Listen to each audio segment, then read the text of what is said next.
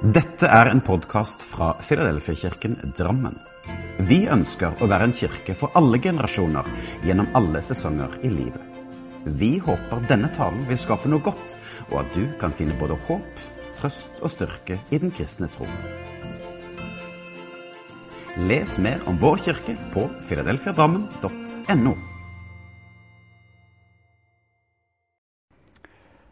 Jeg vil si noe i dag om en vei til en større frihet. Kanskje kan det høres litt motsatt ut, for denne veien går gjennom Guds frykt. For noen år tilbake så tok jeg noe videreutdanning. Jeg hadde en veldig god foreleser som jeg satte stor pris på, og jeg fikk stor respekt for han. Han hadde to tydelige ønsker som han gjentok flere ganger til oss studentene. Han ville at studentene skulle komme presis, og han ville at mobiltelefonene skulle være slått av og ute av syne. Og jeg må innrømme, jeg sjekket mobilen min ekstra flere ganger da jeg var på forelesninger til denne professoren, på at den var på lydløs. Og jeg var selvfølgelig også veldig obs på å være presis og klar i god tid før forelesningene. En dag så var jeg likevel forsinka, og jeg måtte gå inn i klasserommet for sent. Jeg, jeg, kjente veldig på dette. Det føltes veldig feil, og jeg var veldig ille til mote, egentlig. Eh, og noen ganger kan man jo ønske at man kunne være usynlig og liksom bare snike seg inn i et rom. Og det var sånn jeg følte det da. Men det gikk jo selvsagt fint. Han smilte og sa velkommen, og jeg fikk jo nåde, kan du si. Men hva skjedde egentlig? Jeg hadde så stor respekt for denne professoren. Jeg ville ikke gjøre noe som kunne støte eller krenke ham. Ordspråkene 1.7, der står det Å frykte Herren er begynnelsen på kunnskap. Visdom og tukt blir foraktet av dårer. I Hverdagsbibelen så står det Begynnelsen til kunnskap er å ha dyp respekt og ærefrykt for Herren. Dum er den som forakter visdom og veiledning. Om vi ikke forstår Guds frykt, så er det vanskelig å forstå Bibelen. Det er to måter å forstå Guds frykt på. Frykt som at du er redd. At noe forferdelig skal skje. Um, flere i min generasjon Jeg har venner og bekjente som har fortalt meg litt sånn lignende historier. Og De kan fortelle at uh, da de var barn, så kom de hjem til huset sitt og går da inn i huset og roper 'hallo', og så er det helt tomt i huset. Og den første følelsen som har liksom kasta seg på dem da, det er at nå har Jesus kommet igjen. Nå har det vært bortrykkelse. Og jeg blei ikke med. Nå i ettertid så er det jo nesten litt komisk å høre sånne historier. Men det er jo fryktelig trist at et lite barn skulle kjenne på den der knytende angsten og den følelsen av å ikke få være med når Jesus kommer igjen. En annen frykt, en følelse, som jeg tror eh, mange kan kjenne på, det er denne følelsen å være overvåket av Gud. En frykt for at han ser alt vi gjør og tenker.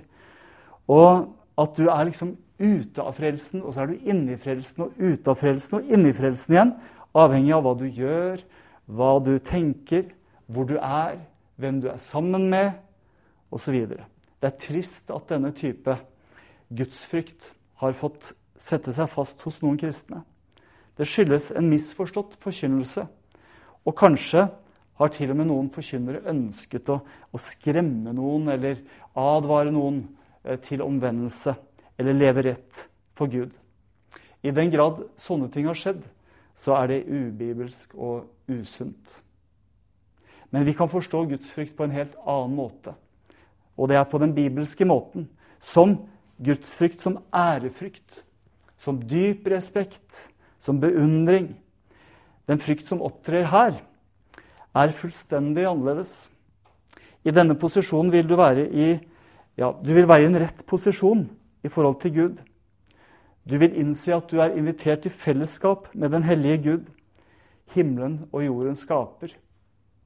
Og du er invitert til fellesskap, og ikke bare det, men til vennskap i en posisjon av ærefrykt og dyp respekt, vil du ikke på noen som helst måte krenke eller støte Gud.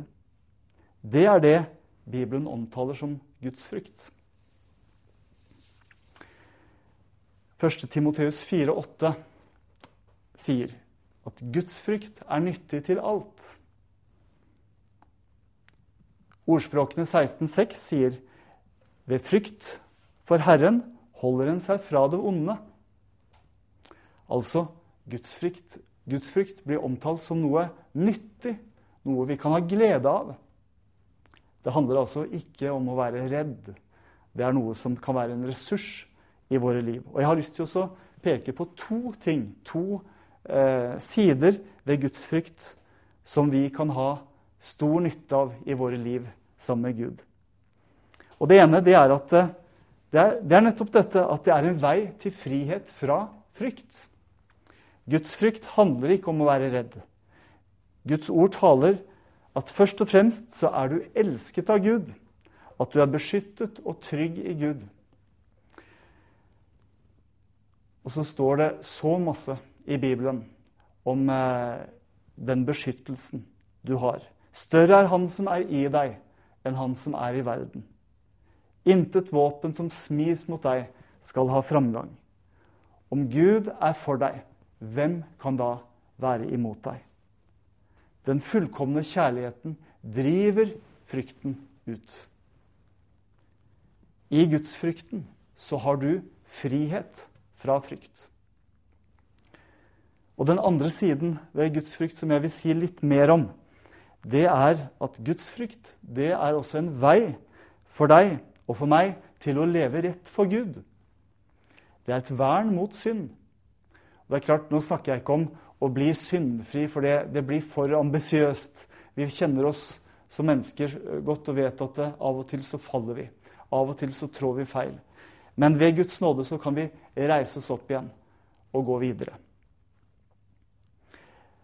Men i Guds frykt så får du en så stor respekt og ærefrykt for Gud at det siste du ønsker, det er å krenke og støte Gud.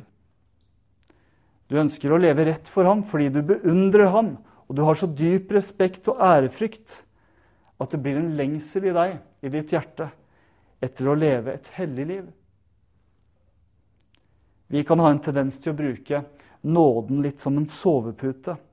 Til å leve i konflikt med det vi vet at Guds ord sier eh, er Guds vilje for oss. Bibelen forteller oss at vi kan bedra oss selv. Og hva er løsningen på det? Jeg tror ikke nødvendigvis at løsningen på det er å høre 'Jesus elsker deg' tusen ganger til. Men jeg tror at løsningen, mye av løsningen på det kan ligge i nettopp gudsfrykten og få en ny åpenbaring av Guds hellighet, Guds nåde og hva Han gjorde for deg, og hva Han gjorde for meg. I Salme 134 så står det Dersom du, Herre, vil gjemme på misgjerninger, Herre, hvem kan da bli stående? Og Sånn tror jeg vi kan føle noen og enhver. Tenk om Gud skulle regne opp alle våre synder og all vår utilstrekkelighet. Hvem kan da bli stående? I hvert fall ikke jeg. Og jeg tror ikke du heller. Men så står det noe videre, og som er så viktig. Men hos deg er tilgivelsen for at vi skal frykte deg. Og igjen i hverdagsbibelen så står det men hos deg er tilgivelsen for at vi skal tilbe deg. Det handler igjen altså ikke om å være redd, men det handler om ærefrykt. Det handler om tilbedelse, det handler om beundring. Hos deg er tilgivelsen, nåden, står det i salmene. Dette er et fantastisk frampek, en fantastisk profeti på det som skal komme av Jesu nåde. Alle ble tilgitt til alle tider gjennom det Jesus gjorde på korset. Da han tok straffen alle skulle ha, og døde for alle mennesker. Han ga oss nåden. Denne nåden har du og jeg fått gratis. Den er gratis, men ikke billig. Han som ga deg nåden, betalte den aller høyeste prisen med livet sitt. Jesus døde for deg på korset. Så all vår synd, smerte, sykdom ble betalt for. Han sto opp igjen, han vant over synd og død, og Bibelen sier at denne seieren, den er også vår seier. En som gjør dette for oss, er det verdt å respektere. Er det verdt å beundre og ha ærefrykt for. Og ha gudsfrykt for. Dette er ikke en du vil støte, krenke eller være respektløs mot. Tvert imot. Og så er det sånn at jo mer du tar imot fra Gud, jo større kjærlighet, beundring og ærefrykt får vi for ham. Og jo mer tilgivelse du mottar, desto mer nåde får du. Og jo mer nåde du får, desto mer gudsfrykt vil du erfare i livet ditt. I Matteus 18 så står det en uh, veldig fascinerende lignelse, egentlig. Jesus forteller en lignelse om en konge som vil gjøre opp regnskapet med en tjener som skyldte han et stort beløp med penger. Han hadde ingen mulighet til å betale. Kongen befalte da at han og familien skulle selges som slaver, og gjelden gjøres opp. Og strengt. Da tjeneren forsto hvilken fortvilet situasjon han var i, da kastet han seg ned for kongen og ba og tryglet om tålmodighet og nåde. Så står det så fint kongen fikk inderlig medynk med denne tjeneren. Løslot ham og etterga ham all gjelden. Wow. Tjeneren gikk da ut som en fri mann. Han må ha vært ekstremt lettet. Så møter han en av de andre tjenerne, og denne tjeneren skylder han et lite beløp. Og umiddelbart så tar han kveletak på denne mannen og forlanger å få pengene tilbake. Når tjeneren ikke kan betale og trygler om nåde, sørger han for å få mannen kastet i fengsel til han har betalt. Dette får jo etter hvert kongen høre, for det var andre tjenere som så hva som skjedde. Kongen sendte da bud på den første tjeneren, og han sa, 'Du onde tjener, hele gjelden etterga jeg deg fordi du ba meg.' Burde da ikke også du vise barmhjertighet mot tjeneren, din medtjener, slik jeg viste barmhjertighet mot deg? Og Hans Herre ble sint, og tjeneren ble straffet til han hadde betalt alt tilbake, noe som antageligvis var fullstendig umulig. Jeg har tenkt at denne tjeneren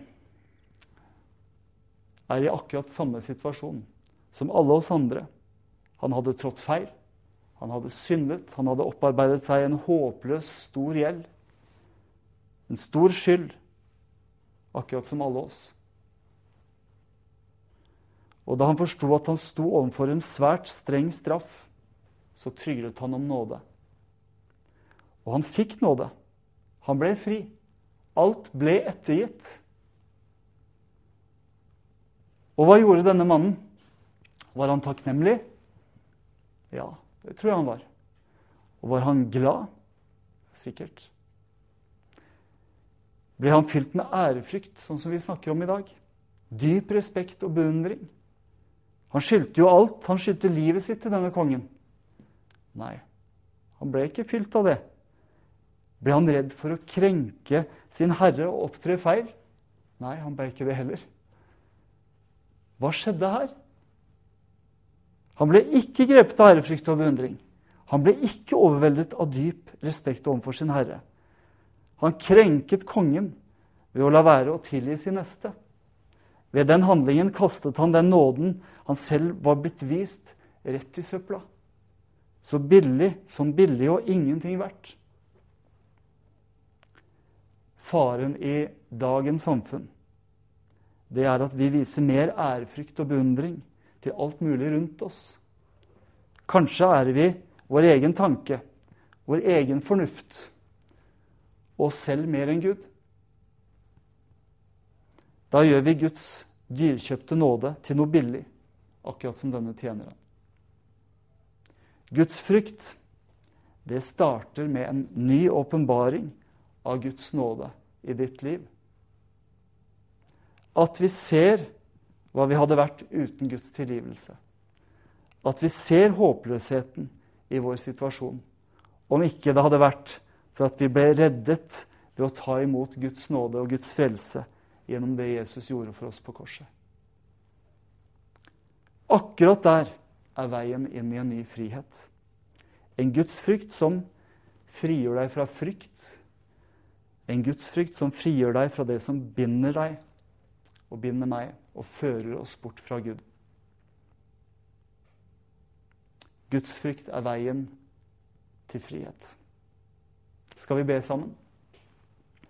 Herre, takk for at vi ikke trenger å være redd for deg, du som elsker oss med en uendelig kjærlighet som er større enn det vi forstår. Men hjelp oss til å se på nytt din nåde, og kall oss inn i din nærhet, slik at vi får se din storhet og din hellighet. Før oss ut av frykt, før oss ut av synd som binder, og inn i den friheten som du har kalt oss til. Amen.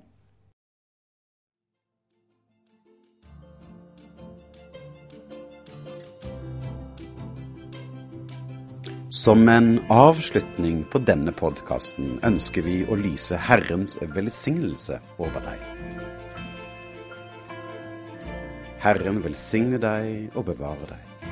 Herren la sitt ansikt lyse over deg og være deg nådig. Herren løfte sitt åsyn på deg og gi deg fred.